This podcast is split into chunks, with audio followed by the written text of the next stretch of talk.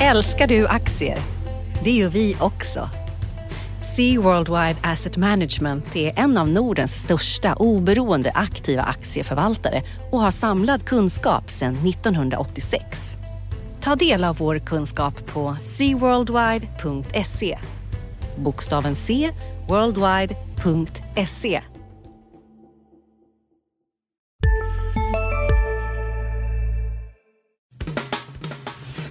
Analyspodden från Dagens Industri. Hej allihopa och välkommen till veckans avsnitt av Dagens Industris analyspodd. Så här i midsommartider eh, med mig Ulf Pettersson och Johanna Jansson. Hejsan Johanna! Hej Uffe! Vad roligt att det är just du och jag här eh, denna regniga början på midsommar. Eh, det regnar lite på börsen också, ska vi prata om det? Ja, och vad tråkigt att ljudet är lite dåligt eftersom vi inte fick igång det här Skype, den här svenska innovationen, utan får köra någon slags C4G.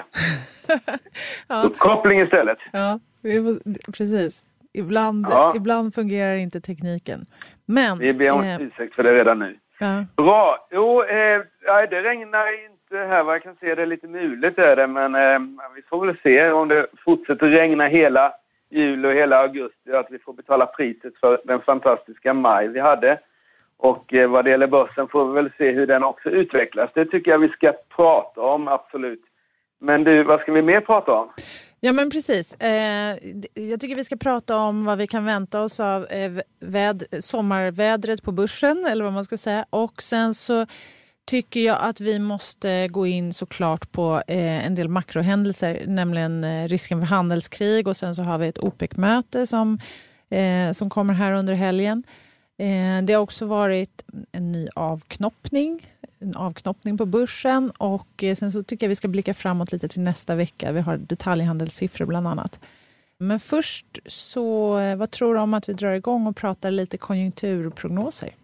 Det tycker jag låter jättebra eftersom man alltid ska börja liksom med det mest aktuella tror jag. Sen kan vi gå tillbaks till första världskriget sen då. Men vi börjar med aktuella och det är ju faktiskt Magdalena Andersson och eh, eh hennes prognos och sen så har vi eh, Konjunkturinstitutet som kom igår onsdag också. Så, men du läser idag med lite mer än vad jag läste. Vad läste du in i, i de där siffrorna? Var det liksom ja. väntat eller var det liksom, eller hur ska man se på att prognoserna för eh, konjunkturen och BNP då drogs ner både för året och, och 19. Ja precis, de reviderar ner, de, de tror fortfarande på att 2018 blir ett starkt år men de drog ner några tiondelar på eh, sina prognoser framöver och det är väl något av ett trendbrott kan, kan man säga. Alltså det, det har varit väldigt starka siffror eh, hittills eh, när det gäller de här typen av prognoser när man blickar framåt. Men att de ändå drar ner lite försiktigt nu visar ju eh, det vi har vetat ett tag, nämligen att vi har, är på en konjunkturtopp. Eller den svenska konjunkturen toppar här. Och du och jag har ju pratat om det förut här i Analyspodden. Om vad det betyder för börsen och framtiden och sådär. För att det faktum att man toppar behöver ju inte betyda att man faller att man rasar ner därefter. Så det är frågan om hur liksom lång den här platån kan vara. Att tillväxttakten mattas lite, som sagt, kan ju, om, så länge det fortsätter växa så kan det ju fortfarande vara positivt. Men, och, du, men, och du tror på en mjuklandning? Och ja, men jag gjorde nog... Ja, alltså jag hade kunnat tro på en mjuklandning eller liksom att vi får en sättning nu och sen så kan vi ta lite ny fart igen sen. Så, sådana perioder har vi haft förut och vi har ju haft också stökiga perioder på börsen förut. Vi hade den här Kina-oron för eh, snart ja, i och för sig snart tre år sedan nästan. Eh, men, eh, och vi har haft andra liksom, småsättningar som har varit både på börsen och i konjunkturstatistiken. Och så hade jag nog kunnat, om du hade frågat mig för en månad sedan så hade jag tänkt mig att det är något sånt vi får nu och sen så kan vi liksom ta ny fart igen. Eh, givet att eh, företagen vågar börja investera. För det skulle kunna vara liksom nästa ben i konjunkturen. Men nu frågar jag dig inte för en månad sedan Nej, för idag. Nu, är, nu känns det ju då skakigare. Jo, för nu är det ju det här som vi vet. Eh, om man bara säger snabbt bara för Sverige så räknar ju Magdalena Andersson till exempel med en BNP-tillväxt på 2,6 procent i år och sen viker av till 2,1 procent 2019 och sen samma takt ungefär 2020. Medan Konjunkturinstitutet ligger aningens lägre för samtliga år. Men även här är liksom toppen i år och sen blir det lite lägre 2019. Så det är väl en helt liksom, rimlig prognos. Men som sagt, det som gör en mer orolig nu, eh, och mig, är ju just det här eh, skramlet i det här handelskriget. För att det är ju någonting som eh, faktiskt har potential att sänka utsikterna mer än, mer än så här. Och där vet vi inte riktigt än. Alltså, vi vet ju att det är höga tongångar. I praktiken så har inte så mycket hänt än. De faktiska åtgärderna har ju inte implementerats än. Men, eh, men om det ska fortsätta som det har gjort nu, att liksom det blir just det här som man inte vill ha. Det som man kallar på makros, eller tit for tat. Liksom att när någon, du, Trump höjer tullarna på en rad varor och sen svarar Kina med någonting annat och så svarar EU med någonting, ytterligare någonting och sen ser man igång. Så, så, blir, så blir det dåligt. Och de som har försökt att räkna på det här, det är ju man behöver ganska stora modeller om man ska få in hela världen och titta på effekter, liksom hur det slår faktiskt för ekonomin. Det kommer påverka export och import såklart mest och sen så slår det även på BNP. Och tänker man sig att bara USA i stort sett höjer, höjer sina tullar, men då handlar det om bara några tiondelar kanske på global BNP, inte särskilt mycket. Eh, effekterna blir större i USA. Kanske det finns beräkningar från de här stora prognosdrakarna, OECD, IMF och andra som säger att det här skulle kunna dra ner amerikansk BNP, om de verkligen höjde tullarna mot alla liksom med 10 procent, ja, då är det, kanske, det är nästan en procentenhet på BNP. Och då ska man nog tänka över tre års tid förvisso. Eh, men då ska man tänka kanske gånger fem när det gäller eh, börsbolagens vinster. Så att det handlar om då, säg att det är nog tre tiondelar på BNP under ett givet år och sen så får du ta det gånger fem på Då är det 2 procent om vi höjer lite grann till jämna ental. Ja, ja det, precis. Det, man vill vara lite neggig Men, men det, och det är också för att det är många handelsberoende bolag på börsen. Alltså, så det, och så, det gäller ju även i Sverige. Vi är också en liten öppen ekonomi så det här kommer ju drabba oss mer. Vi har gynnats av globaliseringen och vi kommer missgynnas om, när det här, om det här vänder. Precis som många tillväxtekonomier i Asien. Så att, det här hänger ju ihop. Liksom. Det skakar lite tillväxtmarknaderna, blir ytterligare motvind för dem. Så det, det är såklart oroande, tycker jag. Vad, vad säger du själv? Ja, jag, jag har väl inte någon annan åsikt än dig där. Jag, jag noterade att Daimler, det här jättestora tyska bil, bilföretaget med Mercedes och alltihop, redan idag vinstvarnade, det var väl igår kväll då, men här på morgonen, eh, vinstvarnade till följd av tullarna. Och det känns ju nästan som att, var inte de väldigt tidigt ute med tanke på att det knappt har hänt än? de, passade på, ju... de passade på att skylla på det, eller hur menar Ja, det, det här, som du säger så har det ju knappt införts att de redan ska vinstvarna. Och hade det varit för Q2 kanske man hade förstått på något sätt liksom. Men nu var det för helåret 18 här och det kändes ju väldigt tidigt gjort. Det kändes ju som att de letade en anledning tycker jag då. Mm. Men eh, ja, vi får se. Alltså det som är med Trump är ju att det brukar ju gå snabbt i hans värld. Så det, och det kan ju det kan nog, gå snabbt tillbaka Jag får också. se här hur länge det pågår. Om det liksom är hela sommaren som vi har handelskrig eller om de tar slut innan dess eller om det eskalerar. Mm, när, det gäller, det när det gäller just bilarna så, så, ska det ju komma besked. Alltså det, det, det, som sagt, vi har, som, än så länge så vi vet att EU har svarat nu med den här första motåtgärden mot de här ståltullarna eh, nu här i midsommarhelgen. Och sen så har Trump också pratat om att de ska titta på bilindustrin. Men det, där kommer ju besked väntas först tidigast under hösten. Så att vi får se. Men ja. precis som du säger, han har ju varit känslig för att när det har skakat på marknaden, han vill nog gärna se att marknaden liksom går upp, eller att börsen går upp och att eh, in, inte att den går ner på hans åtgärder. Så vi får väl se.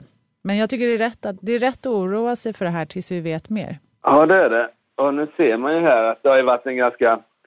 Börsen har inte riktigt satt ner foten här. Den har liksom gått upp ena dagen, eh, ganska rejält och ner andra dagen ganska rejält och idag torsdag här är dagen innan midsommarafton så är vi faktiskt... Precis, att den här volatiliteten ökar är ju naturligt just när vi har lite som vi sa, vi började med att prata om regeringen och KIs prognoser då för Sverige, men vi har ju sett en liknande tendens även i resten av euroområdet. Vi har haft en liten avmattning här under början på 2018 och då är det normalt att vi har lite högre dollarräntor, vi har lite avmattningstendenser i konjunkturen eller en dämpning. Men då är det naturligt att man oroar sig lite mer för såna här, att en stökig politik får mer effekter.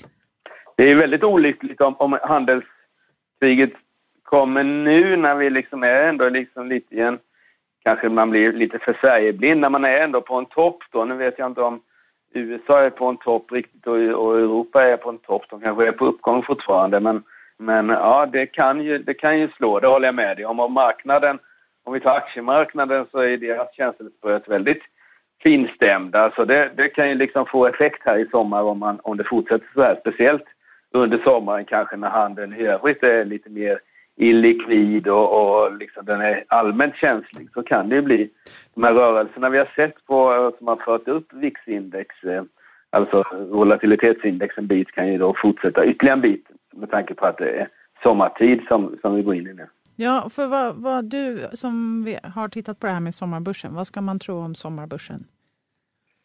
Ja, det kan man göra, men om man ska liksom försöka ta vägledning i någon slags historik så tittar jag på de senaste 12 åren. Och då kan man väl säga så här att eh, om våren har varit bra så blir sommaren dålig. Då får vi en rejäl rekyl under sommaren. Det såg vi eh, 2000, ja, 2000, förra året var ju, var ju risig sommar. Eh, 2015 var en dålig sommar och 2007 var ju, var ju då börsfallet började. Så det var en dålig sommar efter en väldigt bra vår och då så att säga definierat våren från januari till maj egentligen, eller första halvåret i, på börsen. Eh, men nu när vi har haft en stillastående, liksom i stort sett oförändrad börs första, första fem månaderna här, eller fram till idag, då är liksom då brukar vi inte få de här stora sättningarna egentligen på börsen. Det har i och för sig hänt för eh, sju, åtta år sedan då är det liksom lite mer oklart utan den tydligaste trenden är att upp på våren, då går det ner under sommaren. Det man däremot kan säga är att om börsen skulle stiga lite i sommar, exempelvis om handelstullarna eh, Eh, det att det inte blir någonting eller att de löser det där. Eller att rapporterna är, är bättre än väntat som kommer här om eh, en månad eller så. Då kommer hösten bli väldigt bra. För det är liksom så som sommaren blir, blir börshösten om man tittar de här 12 12, 12 åren jag har tittat på. Det man mer kan säga är ju det här att köp till sillen och sälj till kräftorna som man pratar om allt mindre då, men fortfarande kan man liksom läsa artiklar om det. Det, det stämmer ju inte alls. Alltså perioden maj, juni, juli, augusti är ju de sämsta på börsen. mer sell in May and stay away då helt enkelt? Ja, amerikanerna har ett bättre, bättre liksom ja. bevis än vad vi har. Men, eh, och den det... är ju, och det, vad är det som liksom ska avgöra riktningen om man går över från liksom graftittande till liksom eh, fundamentalt så kommer ju eh, handelstullarna vara det som anger riktningen och det kan jag ju tänka mig att det blir något utbrott då liksom både upp och ner liksom, alltså om man skulle återgå till den tekniska analysen som är då stimulerad, eller som är orsakad av handels kriget, om det blir liksom en lösning och Trump liksom kallar till presskonferens och är bästa vän med allihopa igen, vilket han mycket väl kan göra snart, mm. då har vi en uppgång och då kommer den fortsätta året ut. Trots att konjunkturen liksom, det kan ju till och med ändra konjunkturutsikterna då. Liksom. Exakt, för det är det, som är, det är det som är grejen, att de största effekterna av det här eh, det här vapenskramlet som vi nu har, det kommer ju faktiskt säkerligen ske via finansmarknaden. Så att då får vi ett börsfall, då förstärker det effekterna på kort sikt av det här. Sen är det klart att handelsrestriktioner, mer handelsrestriktioner är aldrig bra på längre sikt, men det är ju ingenting som påverkar ekonomin här och nu, utan det tar tid. Och de flesta, som, som jag sa, så de som har räknat på det här, de tittar ju på effekterna över liksom ett par, tre år eller så. Ja. ja så, ja, men, så men ska man försöka sammanfatta det här så är det väl att sommaren är generellt sett en dålig tid att vara investerad i aktier. Så av den anledningen så behöver man ju liksom inte jobba över, jobba över och leta aktier. Eh, och ändå... vi har haft ja. rejäla rekyler på sommaren, men de brukar faktiskt ske när börsen har varit starkare än vad den har varit sista året. För sista året är faktiskt börsen oförändrad. Så om man ändå vill eh, titta lite på aktier som kan vara bra att ha när det är, blåser lite, när det är lite osäkra, mer osäkra utsikter, på? Vilka håller, kommer att hålla ögonen på under rapportsäsongen då till exempel? Ja, det kommer, man kommer, rapportsäsongen kommer man ju hålla ögon på det som är, liksom är intressant och då tycker jag liksom, alltså inte kanske som aktieplaceringar men som liksom eh, eh se vartåt det lutar. Då är ju verkstadsbolagen väldigt intressant och det skulle vara väldigt intressant att se byggbolagen eftersom man är, är lite oroad kring den där sektorn kanske efter SKFs neddragna produktion och eh, eh, de här, den här svaga byggstatistiken som vi ser nu. Det är ju det man håller ögonen på, men det jag skulle investera i, vilket är en helt annan sak, då är det ju om jag liksom hade eh, jobbat på något sätt att ta det lugnt, då, är, då ska man ju in i de här eh, detaljhandel, Ikea, Icas eh, siffror för maj var ju bra. Swedish Match har ju gått väldigt, men den lär ju fortsätta upp. En, om nu dollarn stärks och vi har lite, lite allmän sån där Nu släpper vi en ny podd. Expressen Dock. Einar han går in i fel gård, förstår du? Och sen där, en annan skytt jag tror kommer emot honom och, och fortsätter skjuta. Lyssna på premiäravsnittet. Mordet på Einar, det sista vittnet. Med mig, krimreporter Nina Svanberg. Hon började skrika på mig. Backa hon började säga. Så vad, vad hände? Så hon bara, han är död. Så jag bara, vad säger du för något? Så hon började skrika, han är död. Så jag sköt han nu en meter. Lyssna i appen eller där poddar finns. Sista dagarna nu på vårens stora season sale. Passa på att göra sommarfint hemma, både inne och ute. Och fynda till fantastiska priser. Måndagen den 6 maj avslutar vi med Kvällsöppet i 21. Välkommen till Mio. Konjunkturoro eller vad man ska kalla det. Och sen så har det liksom läkemedel. brukar ju alltid gå bra. Nu är det liksom en speciell bransch då med tanke på att eh, nästan alla regeringar försöker skära ner på sina läkemedel eller på sina sjukvårdskostnader inklusive läkemedel. Men det är väl de där tre branscherna som kommer bli en... Detaljhandel, är det verkligen, eh, är det verkligen så okänsligt nu för tiden? Nej, detaljhandel, jag sa nog mer livsmedel, alltså ah, dagligvaruhandel. Okay. Ah, dagligvaruhandel. Detaljhandel är ju inte alls särskilt eh, stabilt. Det kan ju liksom fluktuerar väldigt med, med, ja. med, konjunkturen. Så det var nog mer dagligvaruhandel, alltså ja, okay. Axfood och, och eh, ICA och Swedish Match och, och, sånt där.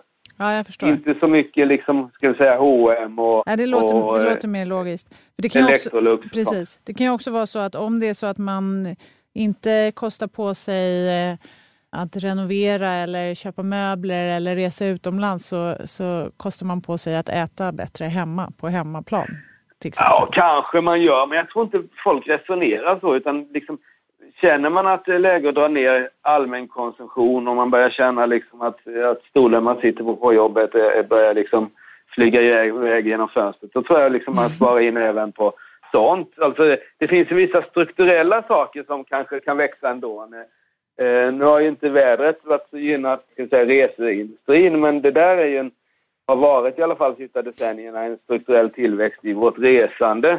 Mm. Eh, men den är också konjunkturkänslig, mm. absolut. Mm. Och den kan, men den kanske är mer konjunkturkänslig för företagen som så att säga inte skickar iväg sina människor på konferenser och, och sånt där liksom hur som helst. Och liksom, det blir lite, lite allmänna neddragningar i, mm. i, bland bolagen.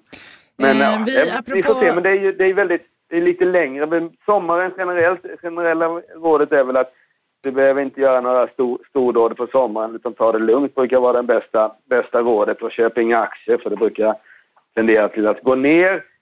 Och den här sommaren, en stor rörelse upp eller ner den här sommaren kommer liksom avgöra börsåret kan man väl säga. Skulle mm. Trump bli kompis med allihopa igen eh, så då stiger börsen under sommaren och då stiger den under hösten. Mm. Och då får vi ännu ett bra börsår om, om så att säga, andelskriget inte lättar utan det fortsätter och kanske blir verklighet dessutom här mot slutet av sommaren, då, då är det ju ner på börsen och även i höst och då är fallhöjden sådär 15-20 procent säkert innan det börjar kännas billigt. Det låter lite, det är lite instabila utsikter ändå på något sätt. Vad tycker du om, det har ju varit en stor våg av eh, bolag som vill in på, eller vill, vill ta in mer pengar via börsen. Kan du inte berätta mm. lite mer om det? Vad är det? Hur hänger det ihop med det här med att vi närmar oss en konjunkturtopp, eller vi är på en konjunkturtopp och samtidigt som det finns lite oro inför framtiden. Passar man på nu eller vad, hur, hur ska man...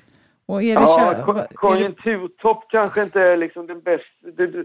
Jag tror att man kanske ska se det så i ett börskursperspektiv. Att Berätta vilka är, det är först. Det har varit en börskurserna hel... har gått upp en del. Eh, det är ganska billigt att, att eh, nytryckta aktier.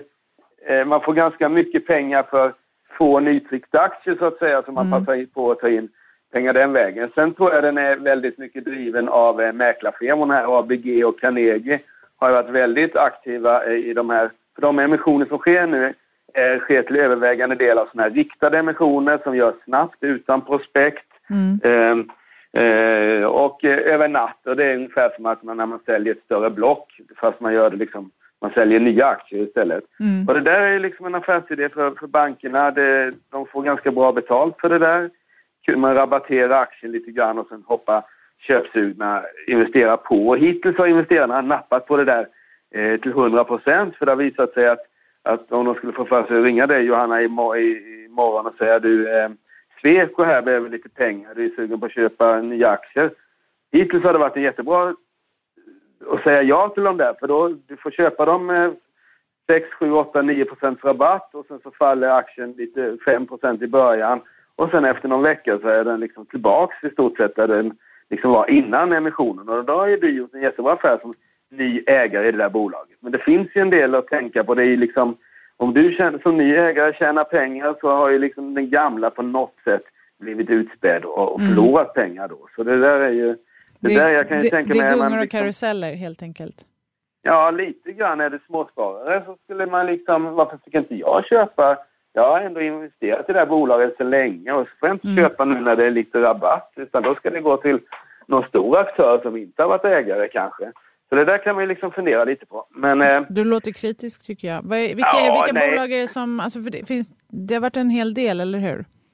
Ja, det har varit en del. Det har varit eh, dryga dussintalet emissioner och, och, och sju, åtta. Alltså nu pratar jag på Stockholmsbörsens A-lista alltså. Eh, inte först North och Aktietorget och NGM och sånt utan eh, Spotlight heter det nu istället. Men eh, utan det är den riktiga börsen så att säga. Ja, det har varit en del och merparten har varit sådana Nej, jag förstår absolut att det finns riktade emissioner. Det är jättesmidigt och de här prospekten som liksom kostar pengar och tar tid och konjunkturen hinner liksom gå både upp och ner innan man är liksom klar med Mm. det. Då förstår jag ju att riktade emissioner är en grej och jag förstår liksom men det är mest att man ska liksom ha ett litet vakande öga så det liksom inte börjar dra iväg och det finns liksom vissa som gynnas av det här på något sätt, några nya ägare Mm. och sådär. Men jag tycker nog att vi ska tillåta det där men att vi ska liksom hålla koll på det så det inte missköts. Mm. kan man väl säga.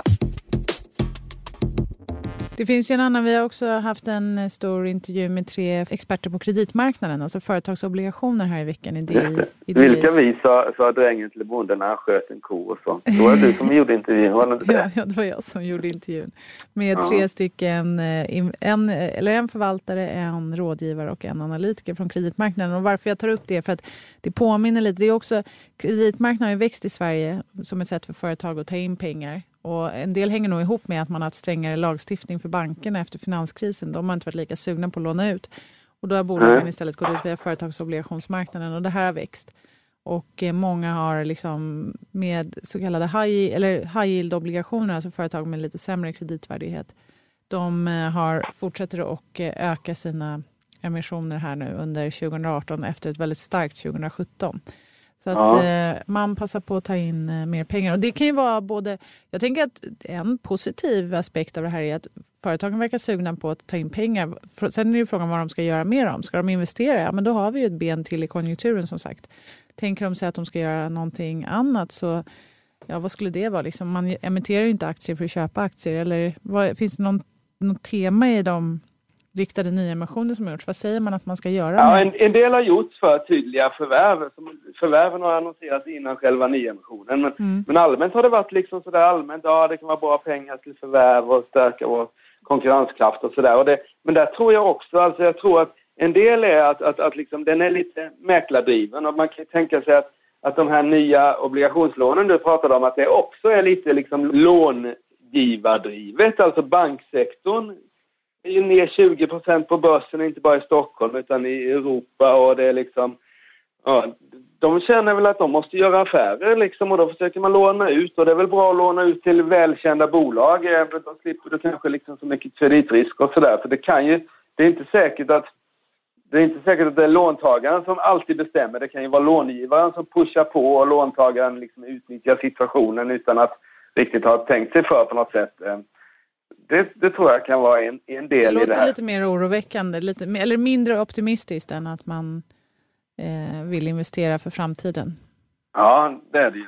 Det är det Mm. Du är lite pessimistisk Ja. Uffe, är det så? Mer, mer då? Hur, hur, hur pessimistisk är du om vi, om vi nu blickar framåt eh, för nästkommande vecka, alltså veckan efter midsommar? Då har vi lite, vi har lite saker för oss i helgen. Vi, jag sa ju i början att vi har OPEC-möte här. Eh, kartell, oljekartelländerna kommer mötas tillsammans med Ryssland för att bestämma huruvida man ska öka utbudet eller inte. Det är lite olika vad man vill göra. Men förväntningen inför mötet är väl ändå att det kommer någon slags eh, uppluckring av de här strängare produktionskvoterna och det har ju också hållit tillbaka. Oljepriset har ju vänt ner efter rekord, eller rekord, men eh, efter en väldigt stor uppgång fram till maj. Så Ja, har det vänt ner igen. Så vi får se vad, det, Ehm. vad som händer där, 22 juni. Sen har vi lite konjunkturindikatorer, preliminära inköpschefsindex också i veckan. Så får vi se vad de säger. De har ju vänt ner här eh, under våren. I Ja, USA, det har de faktiskt. Ja, precis. I alla fall i Europa. I USA är det liksom, där har ju de här skattesänk- Trumps skattesänkningar och kanske Ja, och lite allmänt har ändå driv, fortsätter driva på konjunkturen där, så där går det starkt. Starkare Jo, men tittar man på husförsäljning, vilket var en sån där liksom jättedipp när det var under fin- finanskrisen där och liksom lite innan dess så började Mm. liksom antalet sålda hus minska och den fortsatte ju faktiskt minska här och har gjort det några månader i USA. Så det är inte alls, Nej, inte är inte Mm. allting. allt som, Nej. allt är inte rosenrött i USA. Nej, absolut heller. inte. Och de har ju faktiskt inlett räntehöjningar och sådär. Men, men det är ändå en ganska... Ekonomin går hyfsat starkt. Men, men eh, toppvarningar, eller toppsignaler finns även där. Vad, eh, ja, du var pessimistisk då helt enkelt även där lite? Ja. Ja, pessimistisk, men jag noterade att, att det föll igen och det har liksom fallit, vad är det, fyra, fem månader, fallit, men det har gått liksom, riktningen är nedåtriktad de sista, sista fyra, fem månaderna på husförsäljningen i USA. Det är ju ändå en, en hyfsat bra indikator liksom. Nu var inte, handlar det inte där om priser, men även försäljningen är ju, är ju konjunkturkänslig. Att man köper ju inte ett hus även om, om man inte har, har varit liksom massvis av budstrid, utan man tar det lite lugnare. Och det verkar, ja, det kan ju vara tillfälligt. Det kan ju ha med väder och vind och jag också. Men nu har det pågått några månader i USA. Det tycker jag man ska titta, titta, ha ett öga på. Och det, det får ju effekter. För om det omsätts färre hus så det är liksom, då blir det mindre renoveringar och mindre gräsklippare som ska köpas till nya huset och sådär. Så det, det har ju effekt. Att man liksom, för det ena brukar ju trigga igång det andra liksom när man väl köper, köper en sån sak som ett hus. Och här kommer det här med handels, eh, eventuellt handelskrig också. Nu finns, har ju Trump-administrationen har ju till exempel lagt på tullar på kanadensiskt timmer som eh, man pratar om att det har också bidragit till att liksom dämpa Timber heter det. ja, Ja. lumber. Eh, Canadian lumber bra. precis. Jo, eh, du, eh, ja, något sen, annat sen då? är det, ja, något annat nästa vecka. Vad, vad kommer du hålla ögonen på? Ja, nästa vecka det blir ju den här hm veckan Jag tycker vi har pratat om det länge nu sen, ja länge och fick ju svaga försäljningssiffror för mars, maj och nu får vi se vad resultatet blir här i, i det är väl nästa, nästa torsdag vill jag minnas. Eh, det blir ju en jätteintressant siff- eh, övning att se vad resultatet är där och hur lagret har utvecklats. Så det är ju den stora och vi får även R&B och Kappahl, de lite mindre. Så det blir lite kläd, klädvecka nästa vecka. Och sen så tycker jag väl det är ganska intressant att se Epiroc som var liksom veckans stora grej. Det här gruv, Just det. gruvhanteringsbolaget som Atlas Copco delade ut som fick ett börsvärde på drygt 100 miljarder. Det är ganska mycket. Eh, Det är väl den största noteringen vi har haft. Ja, Telia var väl värt 170 miljarder när det kom till börsen eller något, eller något sånt där. Men, men det är den största avknoppningen vi har haft. Får vi se vad som händer. Nu har inte den, den började lite så halvdant på 87 spänn på aktien. Sen gick den över 90 och då räknades det som en succé och sen så har den tappat en del och är nu på 86-87 igen. Och det som kan ha gjort att den inte har fått den där flygande starten, vilket man nog eh, vilket det brukar få när man knoppar av bolag, det är nog att zinkpriset faktiskt har vänt ner här under veckan och eh, mycket av eh, Epirocs produkter går till zinkgruvor och är priset lägre där så behöver man kanske inte investera så mycket i nya gruvor och sånt. Spännande. Det är... Ja. Men, Vad ska men, du titta på då efter att Ja. ha firat midsommar? ja, precis. Nej, men jag kommer nog hålla lite koll på de här konjunkturindikatorerna som släpps. Och såklart eh, vad som händer i helgen hos OPEC och förstås alla Trumps tweets som kommer komma. Eh, Ja. men, men först så, så får vi fira lite midsommar och hålla tummarna för att eh, sommarvädret piggar på sig och så även sommarbörsen då. Precis. Jag noterade för den som... Alltså, vi är ner tre av fyra som... Från första juni till sista augusti så tre av de fyra senaste somrarna så har börsen gått ner. Det enda året av de fyra som har gått upp, det var Brexit, eh, Brexit-sommaren Mm. 2016. Och det, då rasade det ju på riktigt där ett kort tag, men så slutade faktiskt sommaren med en uppgång. Och vi har ju lite val nu, inte jag speciellt insatt i Turkiet och sådär, men vi har val även detta midsommar, får vi se Just vad som det. händer. Och eh, apropå vädret då, så regnade det även eh, kopiösa mängder just den dagen det var brexitomröstning. I alla fall här Ja. i Stockholmsområdet. Ja, vi får se hur, hur det går med det. Men eh, Ja. tills vi hörs igen med alla lyssnare och eh, du och jag Uffe så önskar jag en trevlig midsommar. Detsamma ni där ute och detsamma till dig Johanna. Mm, tack. Glad midsommar! Glad midsommar. Analyspodden från Dagens Industri. Podden redigerades av Umami Produktion. Ansvarig utgivare Lotta Edling.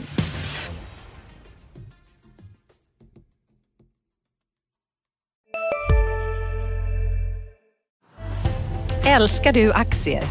Det gör vi också. Sea Worldwide Asset Management är en av Nordens största oberoende aktiva aktieförvaltare och har samlad kunskap sedan 1986.